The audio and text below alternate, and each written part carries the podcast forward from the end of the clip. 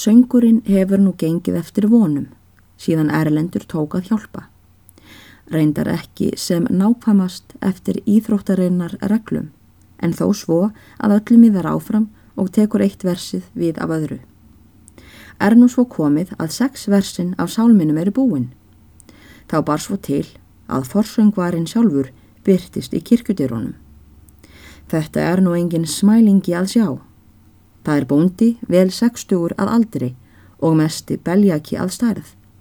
Fullar þrjár álnir á hæð og eftir því á digurð.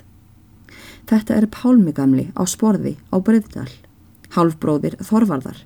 Þessir áður hafði búið á hraunni, frændi og húsbóndi Þorbjörnar smalans á sporði. Hann hefur mikið andlit og flatt, skóljart, hár og hrokkið sem hann klýfur yfir enninu miðju og lætur vaksa niður með vöngunum. Pálmi hafði verið aðal forsöngvari Mýrakirkju í full 30 ár. Pálmi heldur að vanda stutta bænagjörð frammi við kirkjudirnar með hattin fyrir andleitinu. Gengur síðan inn kirkjugólfið og sópar nú heldur en ekki að gamla manninum. Hann tekur sæti við alltarishornið hægra megin þrýfur salmabókina sem liggur á altarinu og ég miðju síðasta versinu kyrjar hann upp með þeirri fátama rödd að öllum ókunnugum mætti þykja furðu gegna. Fyrst það hver vel honum endist brjóstið og barkin svo aldur hnignum manni. Annað það hver leikin hann er í allri þeirri viðhöfn og hnikkjum er eitt sálmavers megi príða. Og þriðja, loksins það, að ekki skuli fjúka rjáfrið af kirkjunni. Það sem risin er á meðal dvergana, það var pálmi hér á meðal söngmannana og tók hann svo algjört allt ómag af hinnum að ekki var að heyra utan eina mannsrödd í kirkjunni. Jafnvel mjóstu skrækirnir úr Erlendi heyrast ekki lengur. Og þegar síðan salmaversið og salmurinn með þeir á enda verður skindilega logn og það lokn var mikill. En vonum bráðara rauf presturinn hinn að djúbu þögn er hann tók til að tóna kollektuna og pistilinn. Svo sem enn er síður til sumstaðar og landi voru áttu húsfreyjur sóknarinnar sæti í framkirkjunni í ákveðnum stólum. Konurnar af Breðidal áttu sæti allar saman að norðanverðu í öðrum og þriðja bekk að innan. Væri þær allar við kirkju, höfðu þær ekki rúm í innir stólnum og sátu þá nokkrar í hinnum ytri. En væri ekki nema fáar, sátu þær venjulega saman í innir stólnum. Í þennan stól var nú engin komin í þetta sinn, utan Sigurbjörg á neðstabæ einsumul og satt hún innarlega í stólnum. Meðan pistillin er tónaður verða menn þess varir með því að kirkjuhurðin stemdur opinn í hálfa gátt að eitthvað af nýkomnu messufólki stemdur úti fyrir dýrunum. Þetta sannaði stók því að óðara er byrjaður en salmurinn millir pistils og guðspjáls er kirkjuhurðinni lokjöð upp og inn kemur Jórun húsfreyja á fossi og Einar með henni.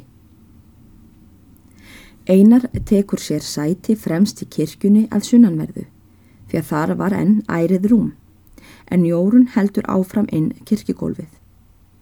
Hún lítur beint framundan sér, ef því hún gengur inn, þar til er hún kemur að bríkinni á einri stól þeirra breyðdalskvenna.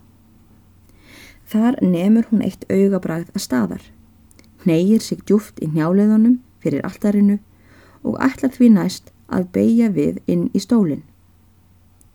En í sama byli lítur hún Sigurbjörgu á neðstabæ.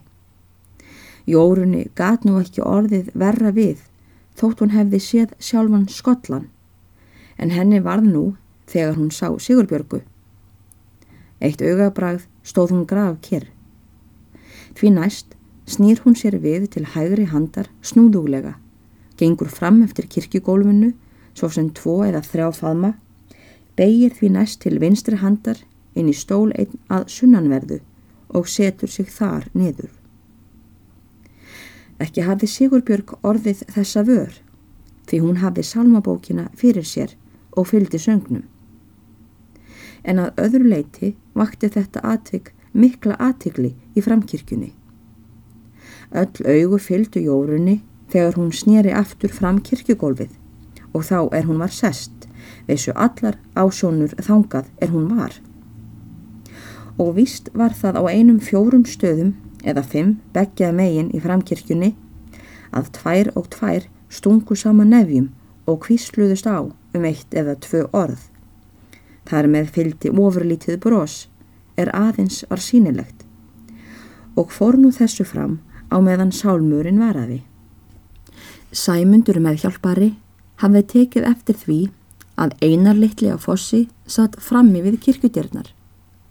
En hvort sem heldur var að Sæmundi fannst einmannalegt fyrir einar að sitja þar frammi einan síðis liðs og að bakvið hvernarskrílin því Karlkinn allt hafði hann vandlega tingt úr og leitt inn í kór. Eða hitt var heldur að blóðið rann honum til skildunar með því að Jórun, sýstir hans, átti hér óbeinlýnis hlut að máli. Hvort heldur var, vitum ég ekki, en vist var um það að þá er þau Jórun og Einar voru sest, stóð meðhjálparinn upp vonum bráðara, lappaði fram í kórbekk og sótti Einar og raka undan sér innar í kórin og potaði honum niður í horn eitt að norðanverðu, þó að þröngt væri fyrir. Söngurinn gekk með sömu dinjandi áreisti. Ef ræða var um náttúrugáfi Pálma, hlaut hver maður að viðurkenna að hann hafði geysi mikil söngljóð og meira að segja hljóð þessi hefðu geta verið hinn fegurstu ef þeim hefði verið vel stýrt. Pálmi var alkunnur fyrir söngsin í héræðinu og nálega var hann bóðinn í hverja veistlu sem haldinn var nærlendis allt sögum hins viðfræga söngs, enda var hann talin atkvæða maður í þeirri ment. Nú var hann farin að verða skjálfrataður og enda nokkuð svo mæðin fyrir brjósti og þó söng hann enn með henni mestu harðnesku. Svo afarhátt sem hann byrjaði hvert lag mátti menn furða að hann rak ekki oftar í þrótt en hann gerði og kom það fyrir alls tvísvar í þessari messugjörð að Pálmi byrjaði of hátt sálmvers undir sjálfan sig.